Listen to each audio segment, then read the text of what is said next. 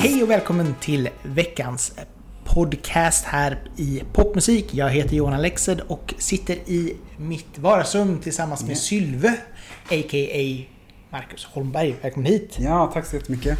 Kul att vara här. Ja! Du är ju faktiskt ifrån trakten fast inte bor här just nu, vad jag förstår. Precis. Just nu dock är jag och hälsar på familjen och eh, är här och hälsar på dig också. Ja! Eh, så att, eh, men jag bor i Stockholm nu. Ja. När flyttade du dit?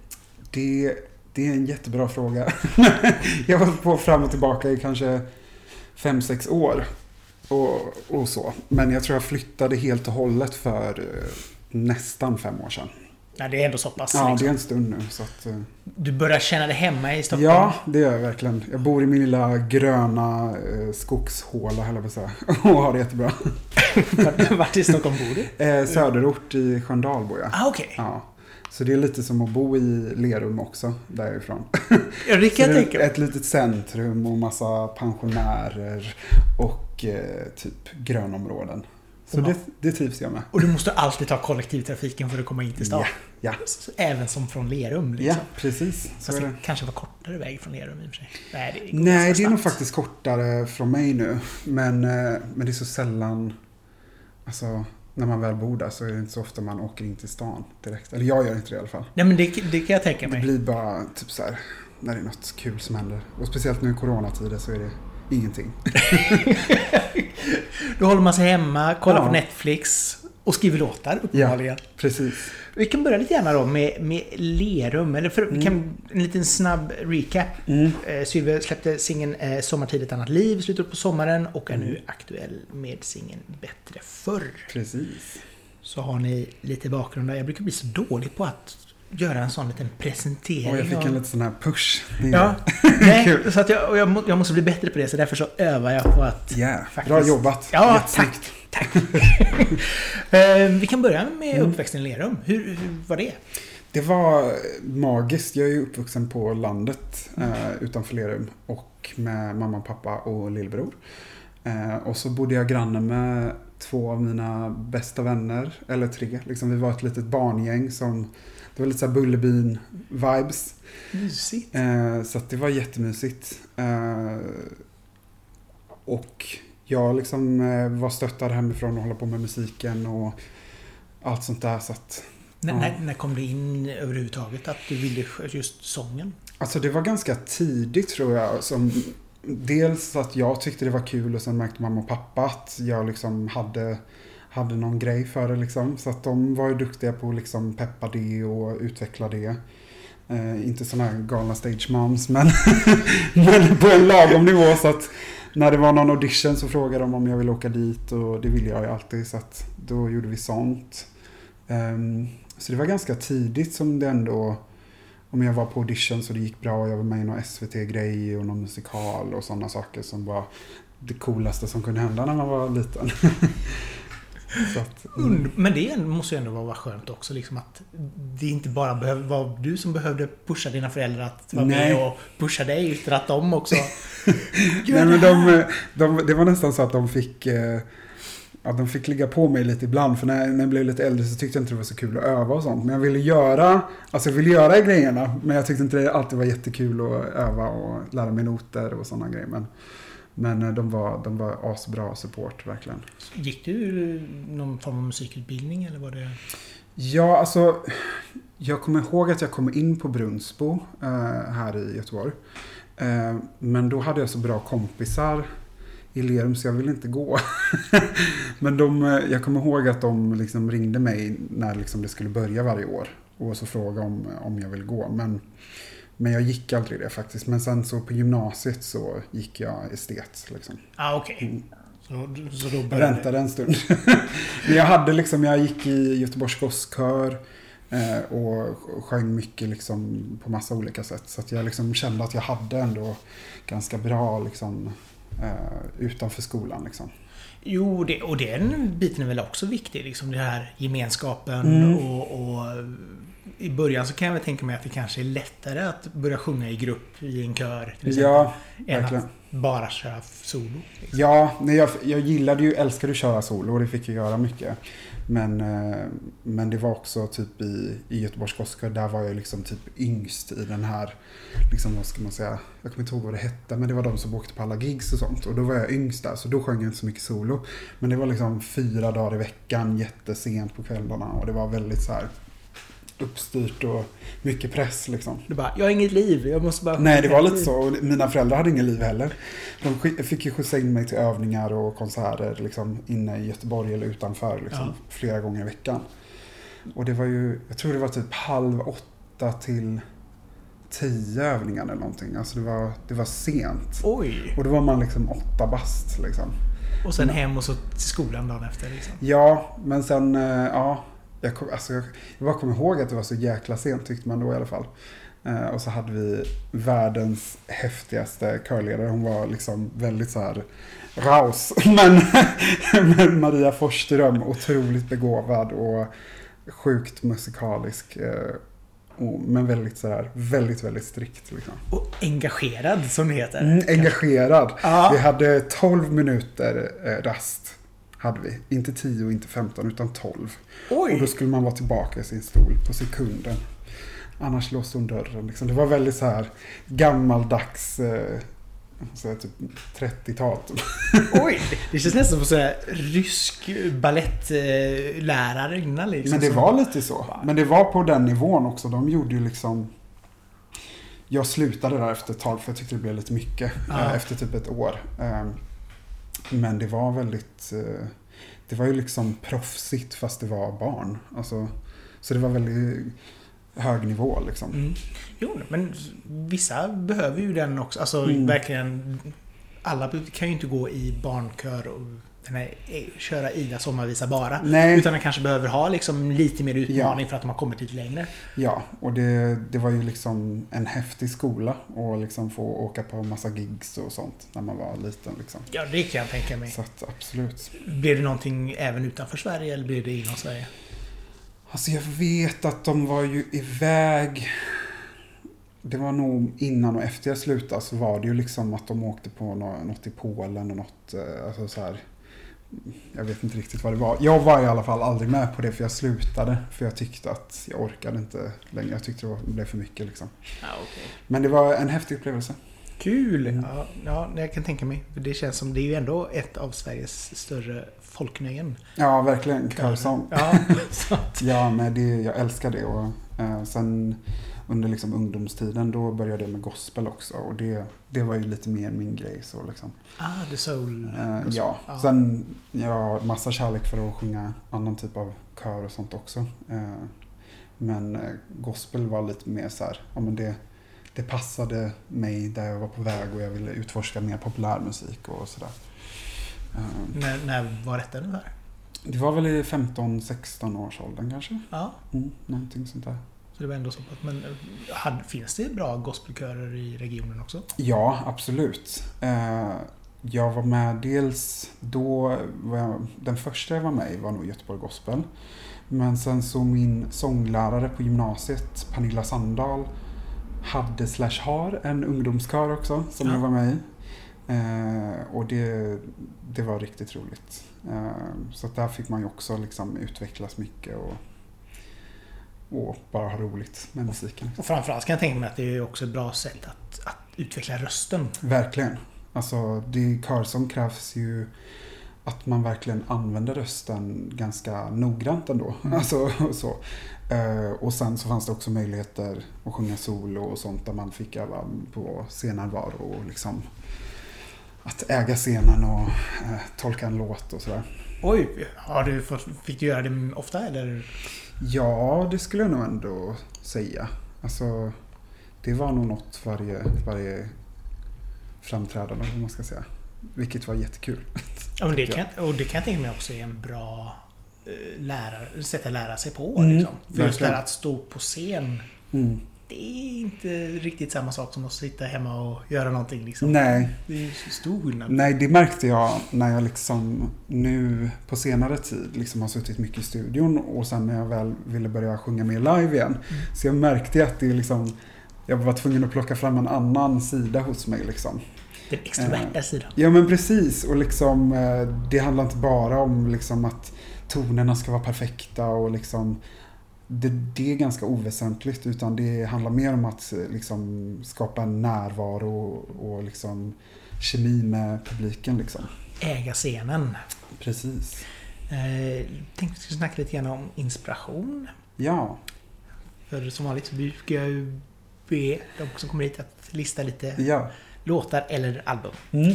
Så tänkte vi kunna gå igenom dem och så får vi lite en koll på vad du, Kul. vad du brukar lyssna på. Alltså jag tog med mig, jag vet inte om jag, jag tolkar det kanske lite fritt, men jag tog med mig Mm. fem album som har varit liksom eh, genom olika perioder i Mm. livet liksom. Eh, som jag faktiskt alltså ändå återvänder till nu också. Eh, så jag tänkte typ, det första albumet som jag som jag liksom fortfarande har en väldigt stor kärlek till idag är Kristina från Duvemåla inspelningen. Eh, och det är så här, det är vissa låtar därifrån som är så här fortfarande det bästa jag vet. Liksom. Och Helen Sjöholm och liksom, ja, de här alla fantastiska eh, musikerna som är med. Liksom. Det går ju liksom inte att lyssna på Kristina från Duvemåla utan att bryta ihop vid min Astrakan och du måste finnas. Ja, nej, det är helt eh, otroligt. Och Gott bevar är så här något av det värsta jag vet på denna jord. så jag satt med min, en av mina bästa vänner och nyligen såg eh, filmerna också. Eh, och- Utvandrarna och... Moberg, eller vad heter det? Ja, precis. Nu ska de ju göra nya, men Ja. vi såg på de gamla också. Max som von är, Sydow. vi tyckte ju ändå så här, vi satt ju i och för sig visserligen och pratade mycket och så här, gjorde annat under filmerna, men när de var slut var vi så här, men herregud, vi vill ha mer. Så, men då satt vi där i slutscenen och sjöng Gott bevar samtidigt som de liksom eh, De har ju tagit med mycket av dialogen och det tyckte jag var så häftigt. Liksom. Så att eh, det är ett album som verkligen så här, mamma lyssnade alltid på det när jag var liten. Eh, och sen sjöng jag det ibland i olika saker. Och det lever liksom fortfarande kvar. Och Helene Sjöholm är verkligen så här hands down fortfarande bästa sångerskan i Sverige tycker jag. Så att, Det är så roligt att de lyckades hitta en sångerska mm. som kändes så mycket ABBA i Mm, sången Mm. också. verkligen. För det är liksom så här, det är som en mix Mm. av, av eh, de båda liksom. Ja, nej men hon... Eh, ja, det finns ju ingen, ingen som henne. Jag, det är typ min största sorg. Eller jag har två största sorger. Det är att jag inte såg eh, den uppsättningen med Kristina från Duvemåla och att jag inte har sett Whitney Houston live. De två. Mm. Det är så här, det är mina... My big sorrows. Så att, eh, Men du har sett Duvemåla, en nyare uppsättning? jag har faktiskt inte det. Men, jag, men jag, jag ska, men jag är så här, jag är, det är att jag är så ledsen för att hon inte kommer vara med.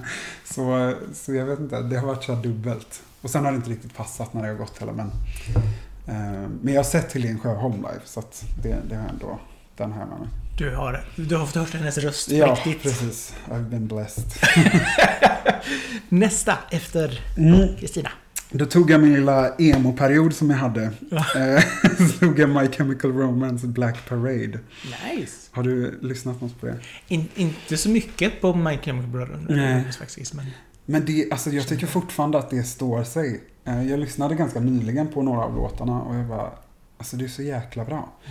Eh, Och nu är det som att den här emo-trenden, eller vad man ska säga, den har liksom kommit tillbaka nu. Eh, Liksom i, både i musiken och i stil och sådär. Så att eh, jag tycker ändå så här, de var, satte någon grund ändå som eh, många är inspirerade av idag. Typ Post Malone och Demi Lovato och ja, alla möjliga typ, tänker jag. Ja, och sen just det här emo-kids överhuvudtaget nu med Ja. Bill Eilish och Ja, precis. hela den biten. Ja, också. definitivt hon också. Ja.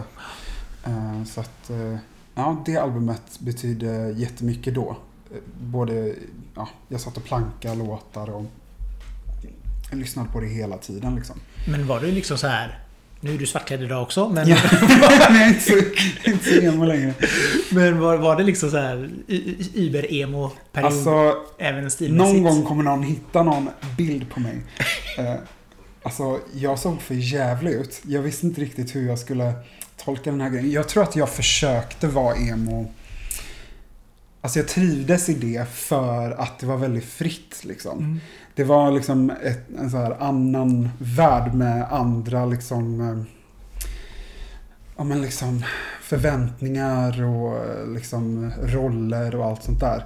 Så jag tyckte att så här, det var väldigt mycket press på en i den åldern. Och när man liksom blev emo då sattes man i ett annat fack och man fick lite vara som man var. Ja, ja. Sen så visste inte jag riktigt vad det var så jag försökte men jag hade en stor påfågelfrisyr som såg för jävlig ut. Eh, och så typ en halv vaxburk varje morgon och en halv flaska hårspray. Så att, Och du bara... Klimatet kan... kan ja men det här var innan, innan aerosol spray blev eh, sådär eh, questionable. Men eh, ja, nej så det, det var en tid som, som man på ett sätt vill glömma. Men eh, det var också så här, eh, ja jag vet inte. Jag bär med mig liksom mycket av alltså den perioden också, och den musiken och egentligen typ My Chemical Romance, det är ju så här välskrivna poplåtar med elgitarrer. Alltså det är så här, ja, lite så. Jo, men absolut, absolut. Så, Så att egentligen var det ju popmusiken jag gillade.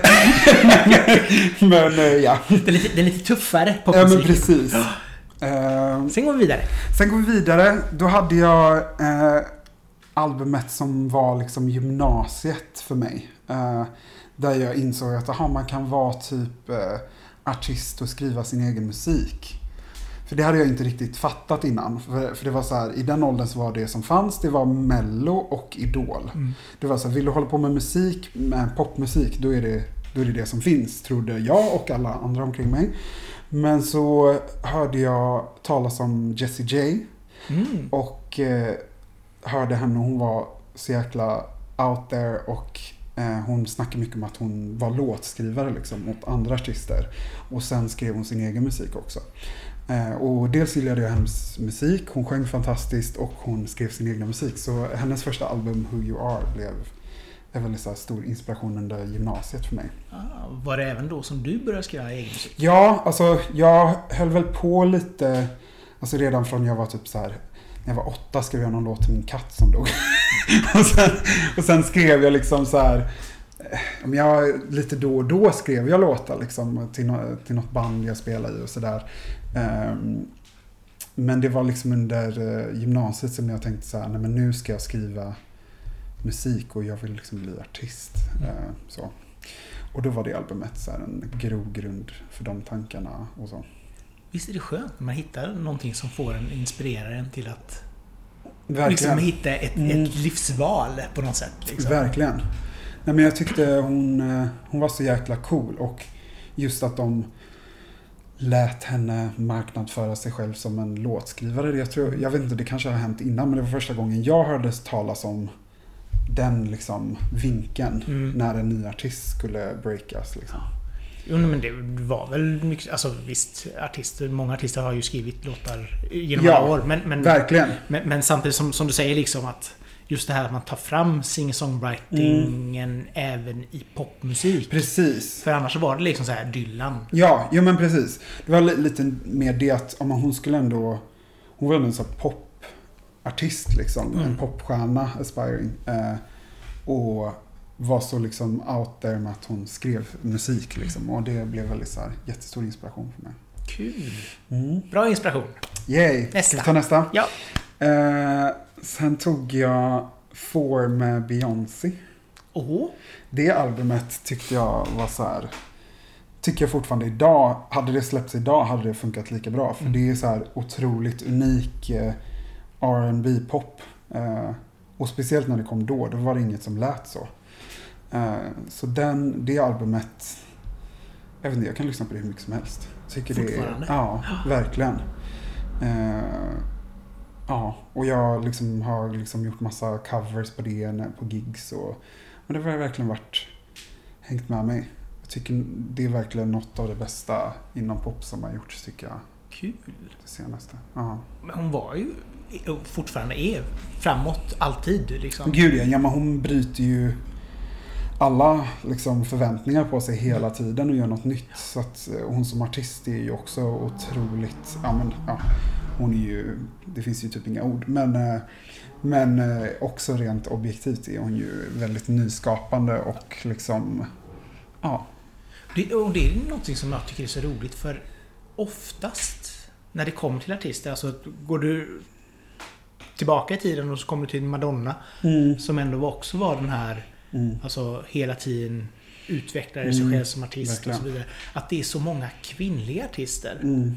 som hela tiden liksom push it forward så Ja. pass, så pass Det starkt. känns som att det nästan alltid har varit det. Och eh, jag vet inte, jag har, jag har väl känt så här, det har absolut funnits eh, så här manliga inspirationer eh, i musiken för mig. Men det har verkligen varit eh, mycket kvinnor. Alltså för att det finns en större bredd på det de har gjort. Eh, dels innehållsmässigt och liksom ja, men på alla sätt. Eh, Medan manliga artister har varit så himla så här.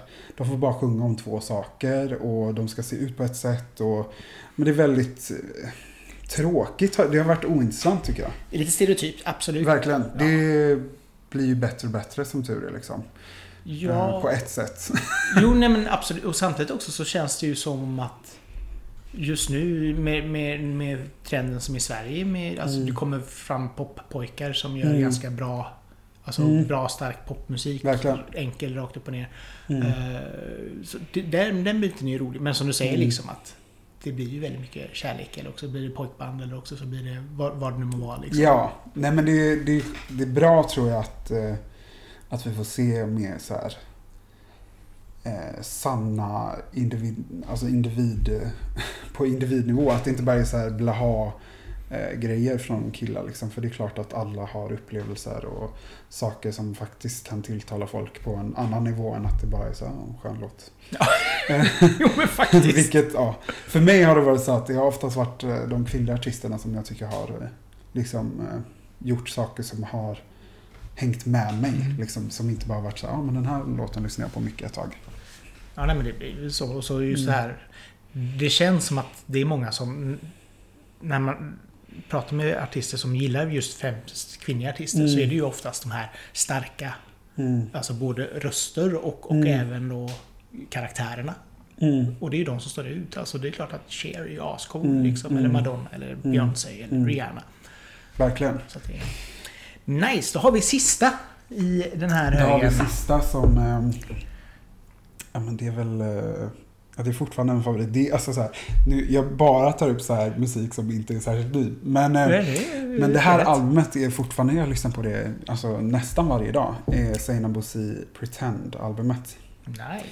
Det tycker jag är något av det bästa som har gjorts i Sverige senaste, ja vad ska man säga för period? I alla fall årtiondet. Så jag tycker det är så otroligt bra och eh, det är också väldigt vågat och eh, framåt, speciellt för att vara i Sverige liksom. Och framförallt så har hon ju en sån röst.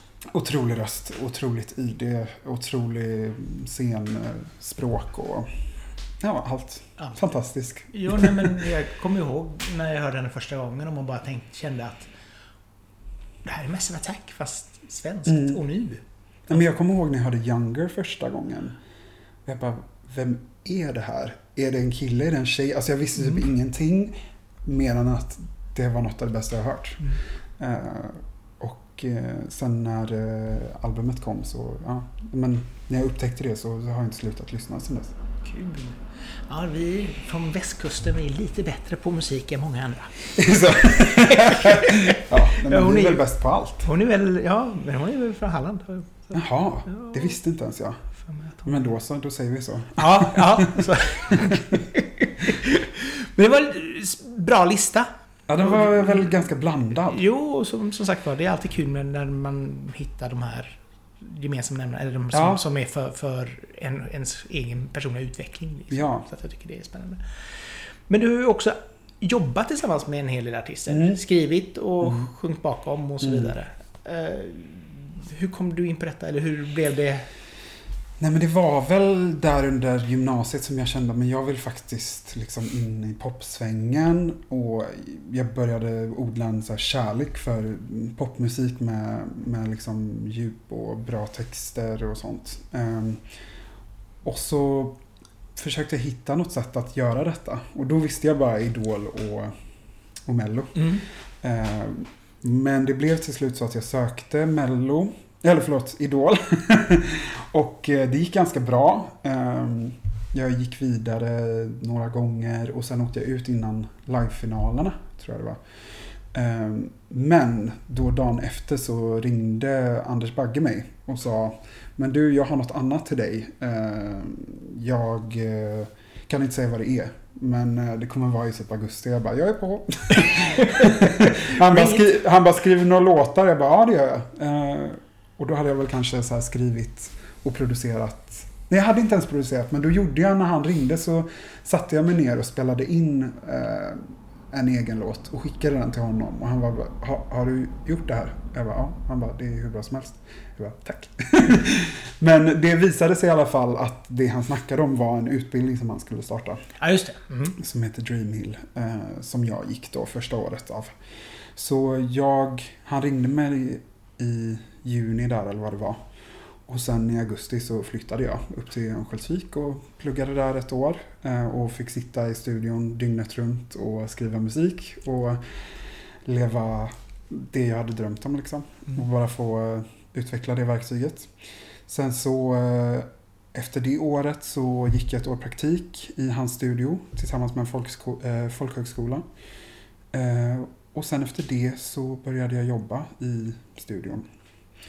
Eh, och ja, på den vägen har det varit. Mm. Jag har mm. liksom jobbat mig framåt och försökt ha så mycket sessions som möjligt med grymma människor. Och utveckla låtskrivandet. Vad känner du är din, din personliga styrka när det kommer till just skrivandet, låtkomponerandet? Um, nej men jag skulle väl säga att jag är ganska textfokuserad tror jag i sessions, alltid i alla fall. Sen så har man lite olika roller beroende på vilka som är i rummet. Eh, så är det någon annan som är jättestark på text, men då kanske jag fokuserar lite mer på melodi. Eh, så jag är ganska anpassningsbar. Ja. Eh, men, men oftast är det att jag hamnar i det med den hatten att jag fokuserar mycket på text. Och är jag ensam låtskrivare då gör jag ju melodi och text. Men det är absolut någonting jag tror är en av mina styrkor. Jag, jag är ganska mån om att det ska sitta ihop. Mm. så att eh, ja, jag är bra på jag tror, att tolka andras, liksom, vad de har varit med om och få det till något som passar. Att alltså, bli förståeligt när man sjunger. Och framförallt att det känns som att det är den personen som, som ja, säger det. Ja, men det är ju verkligen en av utmaningarna. Liksom. Eh, och det är alltid lättast när det är en artist som vet själv liksom deras språk och då är det skitroligt och jättelätt. Är det någon som inte vet då är det jättesvårt för då är det så här, ja det är bara, det är bara jag som kan. Jaha, okej, okay, ja då får jag då får väl jag, då får väl jag. dra då är, inte, då är det inte säkert sen ett år senare de bara hmm, jag vet inte om det här känns som mig.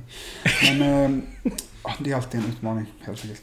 Men har det alltid varit liksom har du skrivit många låtar som du känner att nej men det här ska jag inte ha själv utan det här ska jag minsann ta med mig till nästa session som jag har? Ja, nej men alltså majoriteten av det jag har skrivit är ju inte till mig själv. Mm. Alltså och inte saker som jag kommer göra. Eh, utan jag, jag har väl haft så här, ja men nu är det dags för mig att börja släppa eget. Och så har jag haft några låtar och sen har det inte blivit av. Av massor med olika anledningar.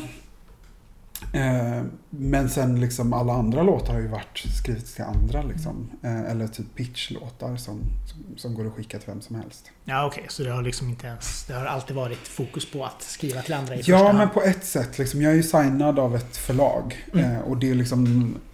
det jobbet jag gör med dem är ju främst till andra liksom. Ja. så dels att både de och jag bokar sessioner med artister eller andra eh, låtskrivare. Eh, och så skriver vi till det som passar den dagen. Liksom.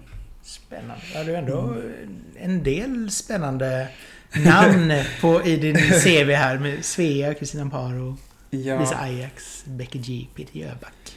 Ja, men det har varit alltså...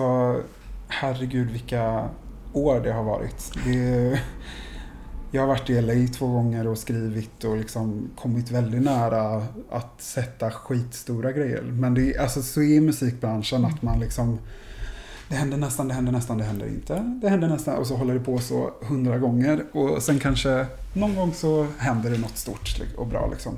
Eh, så att det, det var väl också dels därför jag började med mitt egna projekt också. Att jag ville men jag kände att mycket av det som kom ut var inte det bästa. Liksom.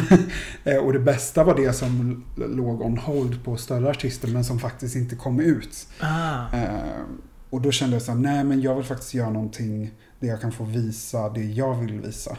Eh, och ha lite kontroll liksom, över vad som kommer ut. Och då till slut så vågade jag att bara, nej men nu ska, nu ska jag göra detta. Liksom. Nu ska jag släppa min första singel. Precis. Hur, vad var det? Eh, låtsas som ingenting hänt. Mm. Den körde tillsammans med Suicide Zero. Hur Precis. kom det samarbetet till? Eh, ja, men vi skrev den här låten i studion eh, och då hade jag skrivit en del annat på svenska också. Eh, och det var liksom den första låten som skrevs, eh, som jag skrev på svenska. Eh, den blev ganska uppmärksammad på olika håll. Eh, och jag höll på att signa med något bolag och sådär. Men då hade jag bara en låt så då började jag skriva mer. Eh, och det här, Låtsas som inget hänt, var väl kanske tredje eller fjärde låten som kom till. Men direkt när vi skrev den så visste jag att det här är det jag ska släppa först. Eh, för då satt jag i studion med Emily som är min bästa vän också.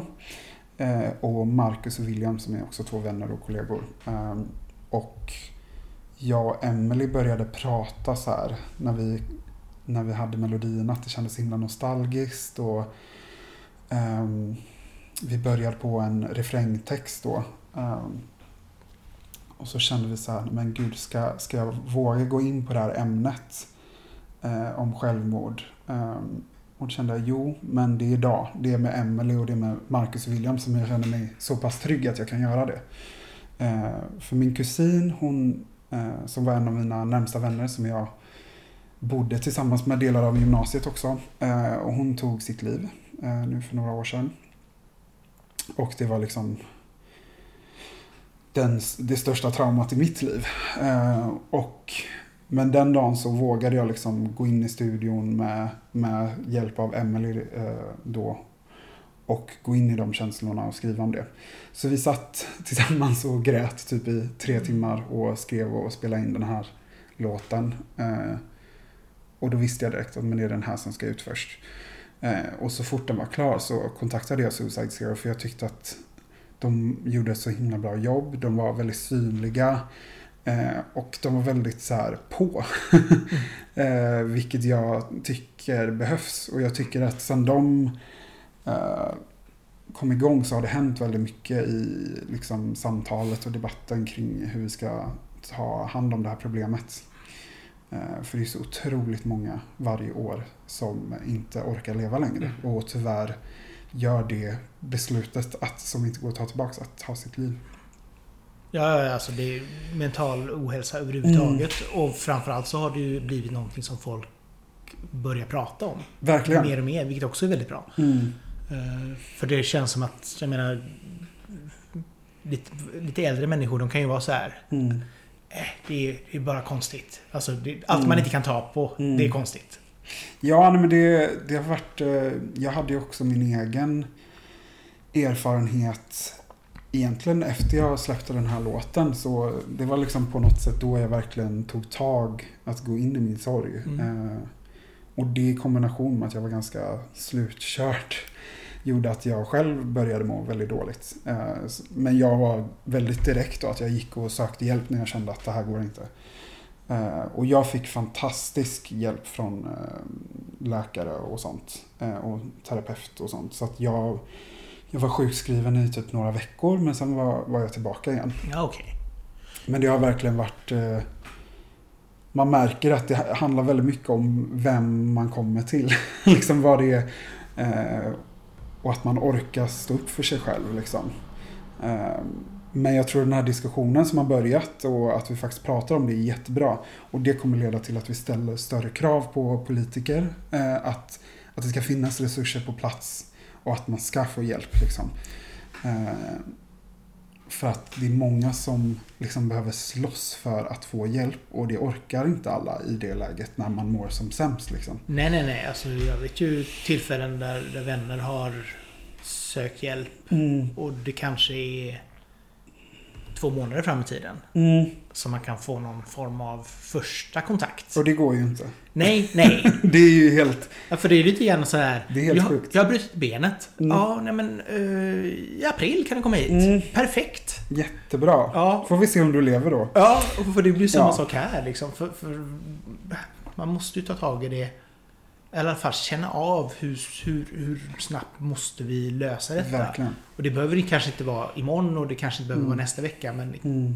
gärna vecka två. Verkligen. Ja, Jag har eh, lyckades hamna på en fantastisk vårdcentral som eh, tog tag i det direkt och tog in mig, jag tror det var samma dag som jag ringde liksom. Grymt. Eller dagen efter eller något sånt där. Eh, och sen liksom såg de till att vi bokade nya besök hela tiden. Jag behövde inte ligga på liksom. Och det är väl det jag tror folk som, alltså jag blev ju, jag hamnade i en utmattningsdepression. Aha, ja, Eh, det är nog ganska vanligt för många tror jag. Ja, jag tror det. Och det var... Eh, så att, och då handlade det ju mycket om att jag, jag klarade inte av att ta mig an saker. Och då att de faktiskt hjälpte mig att ta emot hjälp. Istället Mm. för att jag behövde liksom armbåga mig. Eh, liksom, det tror jag gjorde mycket.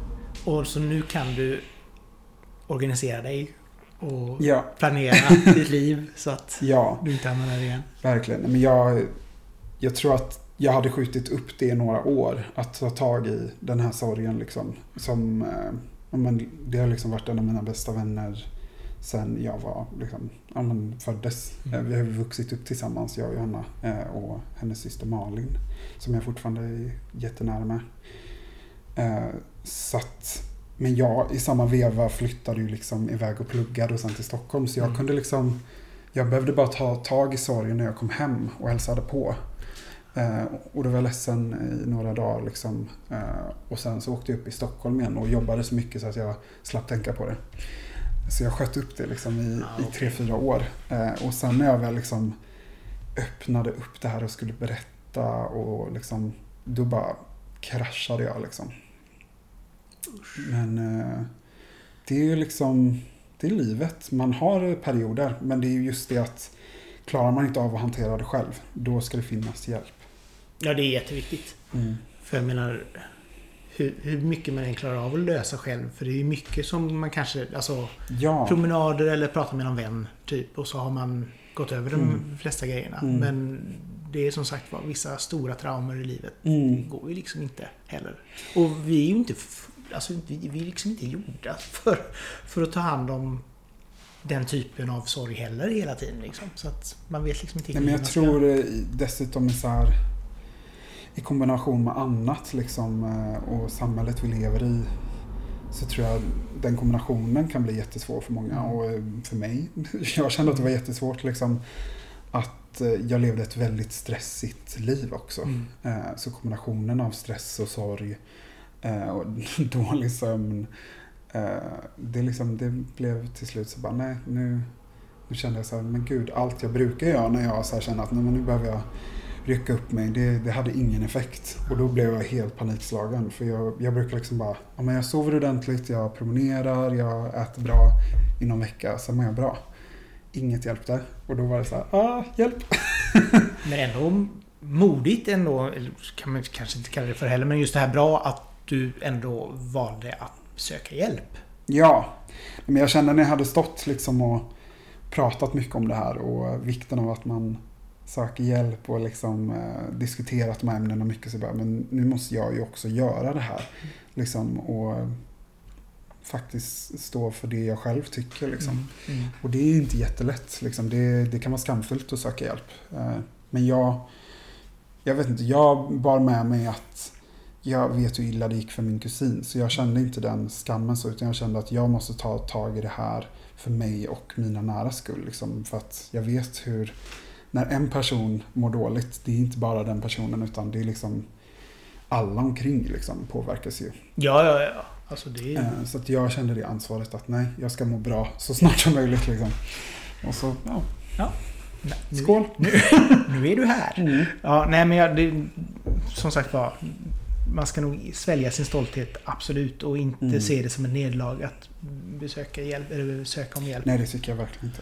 Så att det är jätteviktigt liksom. Ehm, senaste singeln, Sommartid. Mm. Ett annat liv. Fantastiskt fin låt. Tack snälla. Ja, väldigt bra. Relation som kraschade. eh, Mm. Under just sommartid. Ja, Eller inför eller... Berätta lite gärna. Ja, det var ju också lite under den här perioden när jag mådde dåligt. Eh, Då, alltså allt hände samtidigt. Det var dels jag tog tag i den här sorgen, jag var superstressad. Min relation kraschade, jag blev rånad. Det var så här, allt hände på samma gång. Eh, Men eh, i efterhand, alltså jag har ju skrivit mycket om, om de här känslorna kring den relationen. Och det har varit jättebra terapi liksom. Och eh, bra utlopp eh, för, för de känslorna. Eh, men sommartid var liksom... Vi, eh, vi sågs i studion, jag och Kalle Johansson som jag jobbar mycket med. Vi bara, men idag ska vi skriva en så här upptempo pepp danslåt liksom. Och så satte vi oss ner och han började ta några ackord. Och jag bara, fan. och så rann hela den här texten ur mig på typ, alltså någon minut. Jag har typ aldrig skrivit något så snabbt. Eh, och jag bara, Kalle, du, eh, jag har en låt, det är inte det vi ska göra, men eh, ja, vi testade att spela in det. Och så, eh, så blev det sommartid och det blev väldigt så här, ja, väldigt rakt upp och ner. Inte alls det jag ville känna när jag skrev den, utan jag ville känna, åh vad jag är över dig och nu går vi vidare. Men det blev väldigt mycket, inte det, för det var inte det jag kände. eh, så att, eh, ja, det var en spännande, spännande dag i studion. Hur länge var relationen? Den var... ehm, vi var tillsammans i två år, men vi... Innan dess var det också ett år liksom, där vi dejtade och inte dejtade och sen dejtade igen och sådär. Ah, okej. Så, det, blev- så det var- ändå en ganska lång relation Ja, men det var den längsta... liksom. Alltså jag har bara haft två relationer och så den jag är i nu då. Så Ja. att, eh, ehm, det är liksom den längsta relationen jag hade varit i. eh, och liksom den mest... Alltså på något sätt. Det var egentligen första gången jag var riktigt kär liksom. Eh, så att det var ju det var liksom sjukt jobbigt att släppa taget. För jag är väldigt så här, jag är extremt lojal och jag vill inte släppa taget om saker när jag väl liksom har tagit in någon i mitt liv så tycker jag det är skitjobbigt. Mm. Ehm, så det var, ja, det var jävligt jobbigt. men det, det här har ju må- många varit med om så jag är inte ensam om det. Men Nej, men samtidigt så är det inte alla som har varit med om eh, ett kraschat förhållande som skriver en bra låt om det. Nej, alltså där har jag väl turen att jag har det utloppet. Att det är så här, ah, okej. skönt att jag i alla fall fick eh, skriva något fint av det som var väldigt jobbigt. Eh, och jag, jag älskar ju den här låten själv. Och det är inte alltid man så här gör det. Men Sommartid har verkligen den har varit eh, väldigt speciell för mig. Eh, från när vi skrev den. Samtidigt så känns det också som en låt som, som många eh, lite upptäckt dig med. Känns det alltså. Ja, nej men det känns... Alltså det har varit en väldigt så här, för min karriär, eller man ska säga, en väldigt bra låt liksom. Den har öppnat mycket dörrar. Eh, och det är också, Låtsas som inget hänt var också väldigt många som hörde av sig. Och samma sak med Sommartid är det väldigt många som har skrivit.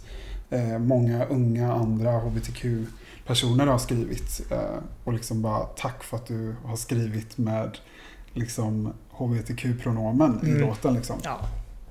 Många som har känt igen sig. Och det, det har varit så här, det är typ det, det finaste man kan få när man har skrivit en låt känner jag. Alltså, när någon tar sig tid att verkligen uttrycka sådana saker. Det har varit väldigt fint. Ja, och samtidigt så är den ju, den är ju väldigt subtil ändå. Alltså, Mm. För det är verkligen så här, här ligger jag tillsammans så är det med honom och så blir det Mm. nästan som en sån... Mm. Alltså det är väldigt... Det, det, det blir inte riktigt som att du bara... Nu sjunger han och nu... Nej. Så och så. Utan det är verkligen bara Mm. sm, smy, smög in lite grann. För jag tänkte inte på det första gången jag lyssnade på låten. Nej men jag, det, det var, alltså, det var inte tanke, det fanns ingen tanke bakom det. Men det jag gillar med den är att det var där och det var i Mm. början av låten. Mm. Men, men som du säger, jag vet inte, det är inte alla kanske som ens tänker på det. Men Nej. för mig var det så här, men jag vill att det ska vara där i. Det Mm. känns jättebra. Eh, och jag har ju varit, liksom, haft möten och samtal med flera olika bolag och den grejen har kommit upp flera gånger att om det kanske är bra att undvika det. Eh, och, På riktigt? ja, på riktigt. Eh, och eh, 2020, eller 2019, 2020. Eh, och då- Skivbranschen skärper. Ja, tack. Men, ehm, men därför så kände jag så här, nej men det ska vara där och det känns jättebra att det är där. Eh, för att jag hade väl blivit asglad när jag var yngre om det sjöngs på det sättet i låtar som jag tyckte om. Eh, så att det var viktigt för mig. Nu har jag ju hittat ett bolag och en eh, A&R, eh, Albin, som de vill jobba med mig för precis det jag gör. Liksom. Mm. Och det är mycket trevligare. Ja, nej, det är jätteviktigt. liksom- Men för, för jag menar, det, det, det, det finns inget som är så påklistrat som när en Mm. homosexuell sjunger henne om man är kille. Ja. Nej, det Är, är man tjej? Absolut. Men är man kille? Alltså det blir så här. Ja, det, det kanske i kontexten kanske det är att någonting annat. Men, men just här när man ska visa känslor och man vågar liksom inte riktigt stå för den man är. Det känns så väldigt konstigt. det, jag, jag blir mest ledsen av det. Alltså det är så här, för det är många som liksom har på något sätt, liksom, inte tvingats kanske, men nästan typ. Eh, och för jag tycker bara det är så jäkla sorgligt att det ska vara så eh, fortfarande. Alltså att det finns de tendenserna ändå liksom. Ehm, och jag tror egentligen inte att det var att någon menade illa, så, utan de sa ju det för att de ville vara snälla mot mig. Mm. De trodde jag, men din musik kommer, det här kommer gå bättre om du gör så här istället. Du kommer hamna i det här facket. Men jag var så här, bara, ja men kan vi inte ändra på det istället? Jo. kan vi inte bara inse, för jag lyssnar ju på låtar med, med alla möjliga, alltså så här, jag tror att som både, jag tror att både tjejer och eh, HBTQ-människor av alla slag är ju vana vid att lära sig relatera till allt möjligt.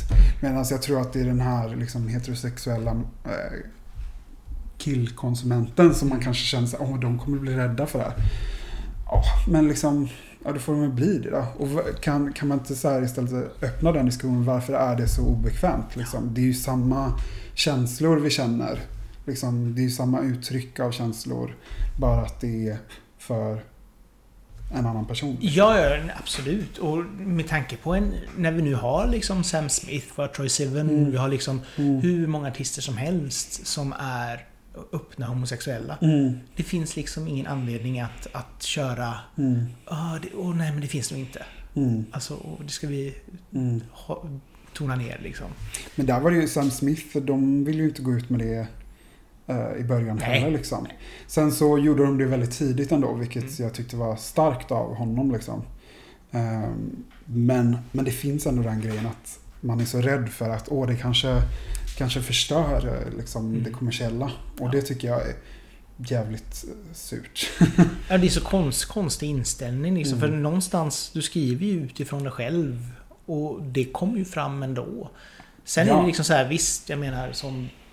Det tog ju typ 10 år innan Pet Shop Boys kom ut. Mm. Eller kom ut, de har väl alltid varit Men just det här Mm. att de kunde sjunga om en man istället Mm. för Mm. neutralt pronomen liksom. Eh, så att, men allting har ju sin tid. Då var det början på 90-talet liksom. Mm. Nu... När vi går in liksom... Man i- tänker ju ändå att det är, så här, det är så mycket som har hänt och det, det har det ju. Ja, ja. Eh, Men det finns alltså Det är ändå mycket stereotyper som lever kvar på, liksom, på olika sätt. Jo, Eh, och det, alltså, det är inte så här som att det är världens ände.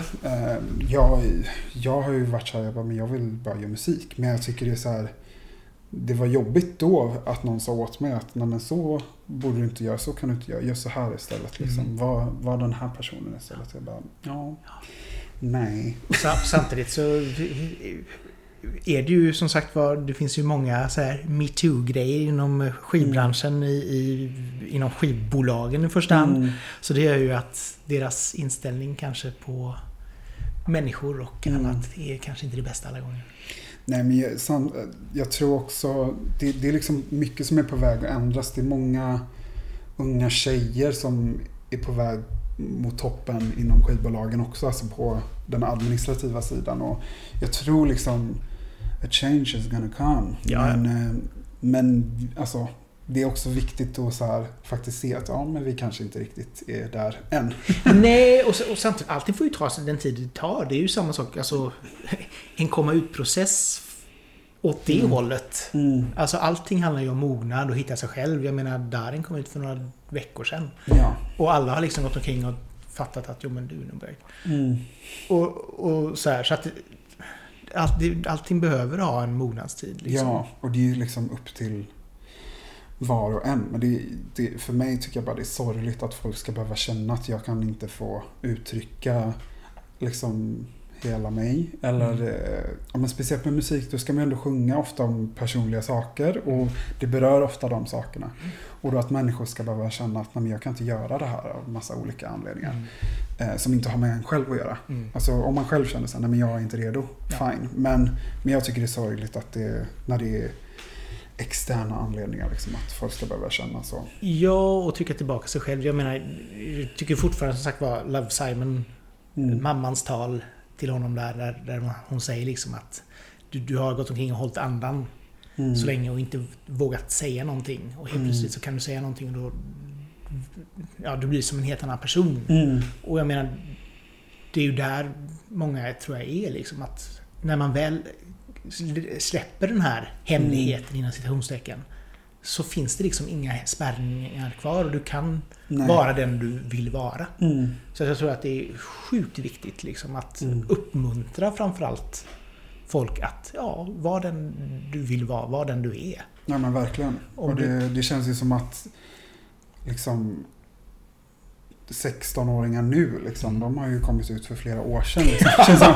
Så att det är så här, det känns ju som att de är ju före mycket annat Ja, ja. i samhället. Alltså typ till exempel som Ja, nej men det börjar ju komma mycket mer representation inom media och sånt. Så att det är inte det. Men, men det känns som att de är ju redan före och de vill ju höra liksom sig själva representerade i popmusik nu. Ja, ja, ja. Eh, och då tycker jag de ska få det. Det är ju inte upp till liksom någon gubbe på något skivbolag och säga att det inte ska få vara så. Nej, nej, nej. nej. Så det är det som är så bra att nu får man faktiskt släppa musik själv också. Eller det går väldigt, eh, väldigt lätt liksom. helrätt liksom. För jag menar, det, om man kollar på, på leks, eller förskolor runt om i landet, även skolor liksom, Mm. låg och mellanstadier. Barn går omkring i prideflaggor och det är liksom Mm. så här, det är inget konstigt. Nej. Det finns liksom inte, det är inte hos, hos eh, zoomers och Mm. uppåt. Det finns liksom ingen homofobi känns det som, längre. Nej, det, det, det är ju en helt annan värld. Alltså Ja. Sen så absolut att det finns hos eh, liksom, vissa människor tror jag. Men, men eh, jag tror att för många är det lättare att växa upp nu. Ja, Sen så är det säkert inte så överallt. Men, eh, men jag hoppas att det, är lättare. Oh, vi, vi är liksom inte, och framförallt så är vi ju inte den här kristna högern som i USA liksom. Nej, där, gud, där, eh, Där man måste flytta till en stor stad. Typ. Ja, eller liksom så här, man, man gömmer sig bakom någon form av Guds ord för att man själv Mm. är liksom inskränkt och hatar andra Mm, människor. Och så säger mm. man, men det är Gud som tycker så. Mm. Nej, det är faktiskt bara du som tycker så. Det är ingen annan. Men, nysignad till TGR. Ja, Berätta, hur ringde de bara upp och sa Nej vill vi ha? Nej.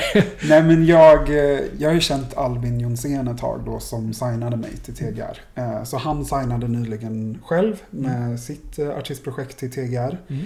Eh, Och i den dealen ingick att han skulle börja jobba som A&R också för han, det är en av hans eh, passioner också. Eh, Och vi har ju känt varandra ett tag och vi har pratat om sen jag började liksom, med mitt artistprojekt att det skulle vara kul att jobba ihop. Eh, och det har liksom inte riktigt varit läge förrän nu då. Men nu så hör han av sig och bara, men vi tar ett till möte och liksom, jag tror jag har något bra på gång här. Eh, och vi kände direkt att bara, men det här blir ju skitbra. så att eh, vi kom väldigt snabbt eh, överens. Så nu ska vi göra den här EPn som jag har jobbat på ett tag. Ska vi släppa tillsammans då. Kul. Så att det känns jätteroligt.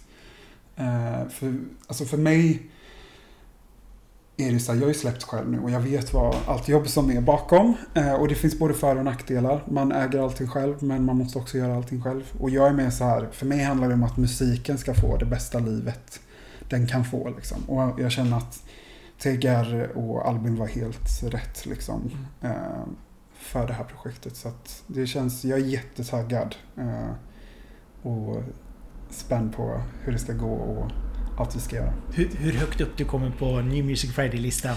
Nej men kanske inte, kanske inte framförallt det men, men jag är så här, jag, jag vill att musiken ska få ett bra liv och hitta så många som möjligt. Eh, som vill ha den. Alltså... Jo, och samtidigt så är det ju så här hur man än...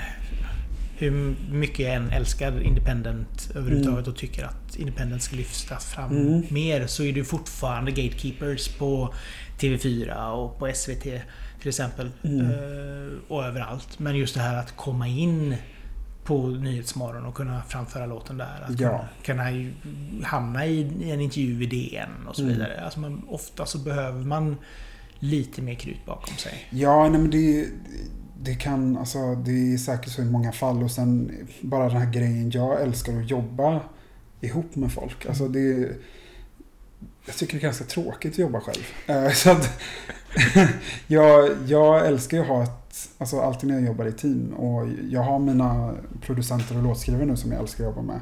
Och nu känns det som att ja, men nu börjar jag få den andra delen på plats också och det är så mycket roligare att göra saker tillsammans. Och i det här samarbetet får ju min, min kreativitet och mina idéer plats exakt lika mycket som det fick innan. Så att egentligen har jag inte behövt ta bort någonting utan det har bara lagts till. Och det är liksom, den grejen tycker jag är så nice. När man hittar rätt eh, samarbete så, så är det bara bra. Ja, jätteviktigt liksom. Mm. Och sen att det, det funkar. Nu mm. aktuell med nya singel, Bättre förr. Mm. Berätta om den. Jo, den eh, skrev jag med Mattias Andreasson. Ah. Och sen har Emily Eriksson, då, min bästa kompis, varit med på ett hörn också eh, på några rader. Eh, så vi skrev den i hans studio för ett ganska långt tag sedan. Så det var en av de första låtarna som, som kom till för det här projektet. Men jag har liksom känt att men det är inte dags för den än. Förrän nu då. men, så, men den är också så här, som jag sa med Sommartiden är speciell. Den här är också speciell. speciell. Alla låtar är speciella. Ja men det var, det var så himla häftig process bakom den. För jag, vi skrev den bara med liksom eh, Rhodes och sång och vocoder. Eh, och sen jag bara, men det ska vara, det ska vara stråk på den här. Så då eh, hörde jag av mig till Erik Arvinde som eh, spelar in eh, stråk med 40 personers orkester i Bagpipe Studios där jag jobbar. Eh, och så arrade han den och så spelade vi in den där. Så det är liksom det var så jäkla häftigt att få höra 40 av Sveriges bästa stråkmusiker spela min låt. Liksom. Nice. Det var kul. Så att eh, det har liksom legat tid och eh, planering och jobb bakom den här eh, låten och liksom, ja, mycket tid. Men det känns jätteroligt att den får släppas nu då med TGR så att då känner jag att men, den, får, den får bästa möjligheterna. Liksom. Hur kom den till? Vad baserad på? Eh, den handlar egentligen om, alltså det handlar om samma relation som Sommartid handlar om. Men det, det, vi, eh, jag och den här killen vi dejtade en period först och sen så avbröt vi det. Och den handlar egentligen om när vi bestämde oss för att ge det till försök. Mm. Som ledde till att vi var tillsammans i två år sedan. Eh, så det handlar om det, det mötet och det telefonsamtalet eh, som ledde till att vi eh, blev tillsammans igen. Vem sålde in det bäst? Vem sålde in det bäst i samtalet? Ja. Eh, men det var nog jag. Alltså jag, jag är en bra projektledare. och det var jag för det förhållandet också. eh, så att, eh, ja.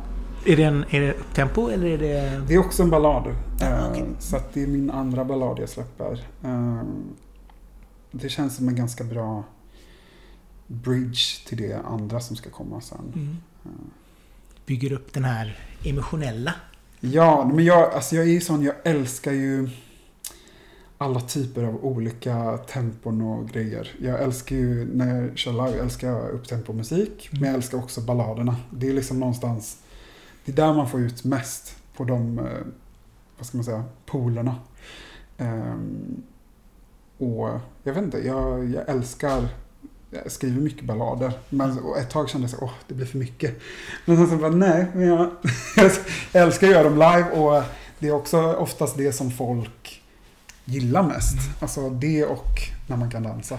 Jag, har- jag, jag har ju många spellistor Mm. med deppmusik. Ja, Som man kan gå omkring och bara tycka Mm. synd om sig själv och verkligen bara frossa i att tycka Mm. synd om sig själv. Och sen när man stängt av så är det bara så här, ja men det var skönt. ja, men det är ju lite det där att har man en stund där man tycker synd om sig själv eller bara mår dåligt då kan det vara skönt att med musik få ut allt det. Ja, Och sen går man iväg. ja men för, för det förstärker, det förstärker Mm. ju liksom Ja.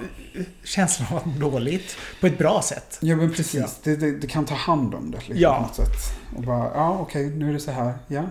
Så lyssna på det ett tag. Ja, ja men det vi blir liksom så här, ett soundtrack för, Precis. för det tråkiga. Precis. Ja, för, för, det var ju också det som... eh, Just det här att du har eh, stråkarrangemanget här och samma Mm. sak i, i Låtsas som ingenting har hänt där du hade liksom så här barnkör Ja. i slutet.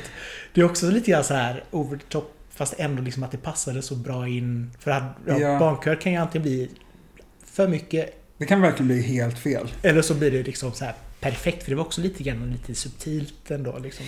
Ja, men jag, alltså, där är ju så här folk kan tycka så men du behöver väl inte göra det. Men jag, jag tycker de elementen är liksom det som knyter ihop säcken ibland. Liksom att det gör, för mig gör det jättemycket i alla fall. Eh, och ja, det är ändå jag som ska släppa så jag, jag får väl göra så då.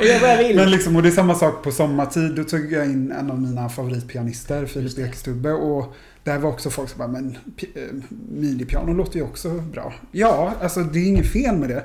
Men liksom, för mig, det, hjärtat känns det så bra att, alltså att få jobba med eh, liksom, grymma musiker tycker jag är typ något av det roligaste också. Eh, och det tillför liv i låtarna liksom. Jo, men det är ju inte för inte som folk vill lyssna på vinyl igen. För Nej. att de tycker att ljudet är lite mer Mm. rymligare och så vidare. Mm. Och det är klart att kan du jämföra liksom en Casio-synt med Mm. en flygel. Det är Ja. klart att, ja, tar vi det här. Ja, nej men det är liksom Det finns en tid och en plats för allt så. Men, eh, men jag känner så här, men för mig har det varit värt att splurcha lite och, Mm. och liksom bara få leva ut visionen helt. Liksom. Låt, låt den musikalen Ja, ta över lite grann. Men jag har ju ändå så här. Jag, jag känner fortfarande att jag har ett lugn och en trygghet när jag går in i en kyrka och liksom lyssnar på, lyssnar på klassisk musik. Jag har ändå vuxit med det på ett sätt. Liksom. Och ehm, jag har ju de influenserna har jag märkt. Liksom att, ja, men av någon anledning så vill jag ha liksom live musiker och jag vill ha kör på allt. Och liksom, eh, och ja, jag har bara insett att men så är jag och så vill jag ha det och det blir bra. det får bli bra. Så här, ja, men det, framförallt så kanske det kan vara en trevlig, eh, trevlig krydda inför när man väl får lov att spela live 2022. Verkligen.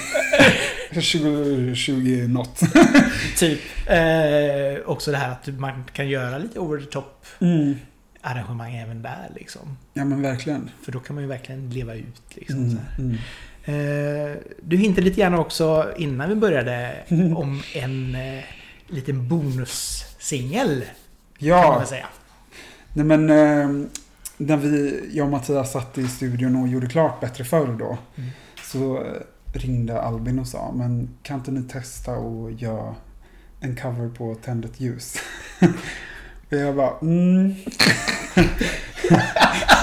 jag var ganska tveksam först. Eller jag sa så här, jag bara, men jag, jag har inte riktigt sett mig som någon som gör jullåtar liksom. Eh, Alla kan göra jullåtar. Ja men alltså jag älskar jul men ehm, det är mycket... Alltså så här, jag, vet inte, jag, jag vet inte om det kändes som att det var rätt grej för mig. Eh, och jag kände att det kan lätt bli så här, ja, men jag är ny, ingen vet vem jag är, ska det enda jag gör är jullåtar, det blir så här konstigt. Men sen så, så satt vi ju bara Mattias är fantastisk på att spela keys liksom. Och han har ett jättefint Rhodes. Så vi körde SM7, så handhållen mick och han körde på Rhodes. Så körde vi ja, men typ tre tagningar bara rakt igenom på, på den. Och det blev liksom sån jäkla vibe fick vi. Så jag bara, ja men det här, det här blir bra ändå.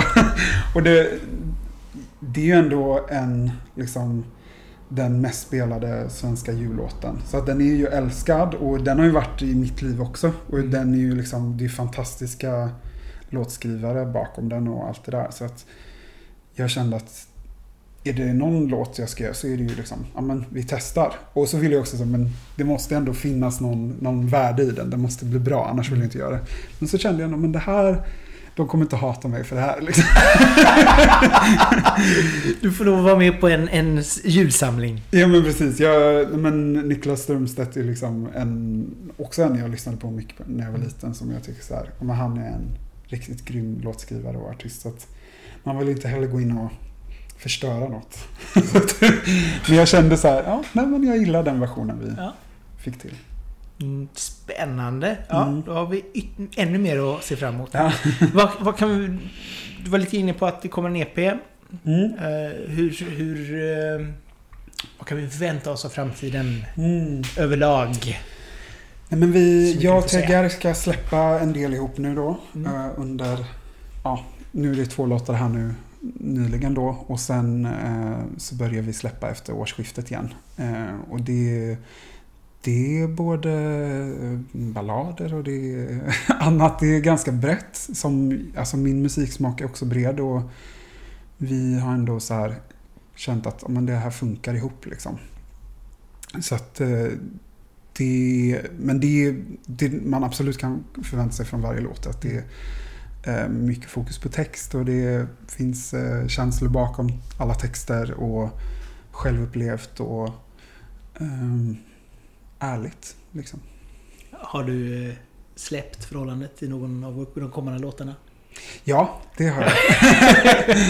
och, eh, men jag har funnit frid med det och nu är jag jättekär i en ny person. Så det, eh, och skriver om det istället. Och det, det är också jättekul. Men, men de här låtarna som har kommit till eh, det senaste från den förra relationen är jätteviktiga för mig fortfarande och är en del av liksom, min historia. Eh, och jag älskar den musiken och den men det är som en liten, en liten dagbok liksom. Men den här månaden kände jag det och den här månaden kände jag det. Eh, så det blir, EPen blir som liksom ett litet bokslut men också en lite mer eh, helhetlig presentation av vem jag är som artist. Kan man säga. Var det alltid eh, givet att du skulle sjunga på svenska? Absolut inte. Mm. Nej, fram tills jag skrev första låten till det här projektet så skrev jag bara på engelska. Men sen så hade jag en session med Mattias Andreasson då och så satt vi och skrev och så råkade det bli på svenska. Allt jag kom på var på svenska. Jag bara, eh, Mattias? jag vet att vi sa att vi skulle göra det här men är det okej okay om jag testar en idé på svenska? Han bara, ja, jag kör. Sen blev eh, det blev bra och den fick intresse hos massor med olika håll. Um, sen är inte det en låt jag kommer släppa. För nu tycker jag att jag har gjort bättre musik. Men, Man kan ju alltid göra om den och kan man göra. putsa till den. Verkligen, vi får se. Men eh, det var i alla fall så det började. Och då var det så här, ja men jag har bara en låt nu då, så då måste jag ha lite fler. Ja, jo. jo. Eh, och på den vägen var det. Kul! Spännande! Det ska bli jättespännande i alla fall att se hur, hur eh, det utvecklas. Du har ju Ja, en, tack. en otroligt bra inledning på din karriär måste jag ju säga. Så att jag är väldigt, väldigt glad över att jag hittat dig. Ja. Det var tidigt och du har ju skrivit jättefina grejer om eh, eh, mina. Så jag är jättetacksam för det. Tack! Eh, och, alltså jag blir så... Jag blir alltid så jäkla glad när folk skriver något fint om det man gör. För det är, så här, det är inte så självklart. Det kan lika gärna vara att man släpper något och så två månader senare så är det 500 pers som har lyssnat och ingen har sagt någonting. Alltså, Nej, man, man har ingen aning. Det är 60 000 låtar per dag som släpps. Men eh, jag är glad att folk eh, hör det jag försöker säga och känner att de relaterar eller tycker om det. Det är jätte, jättefint för mig.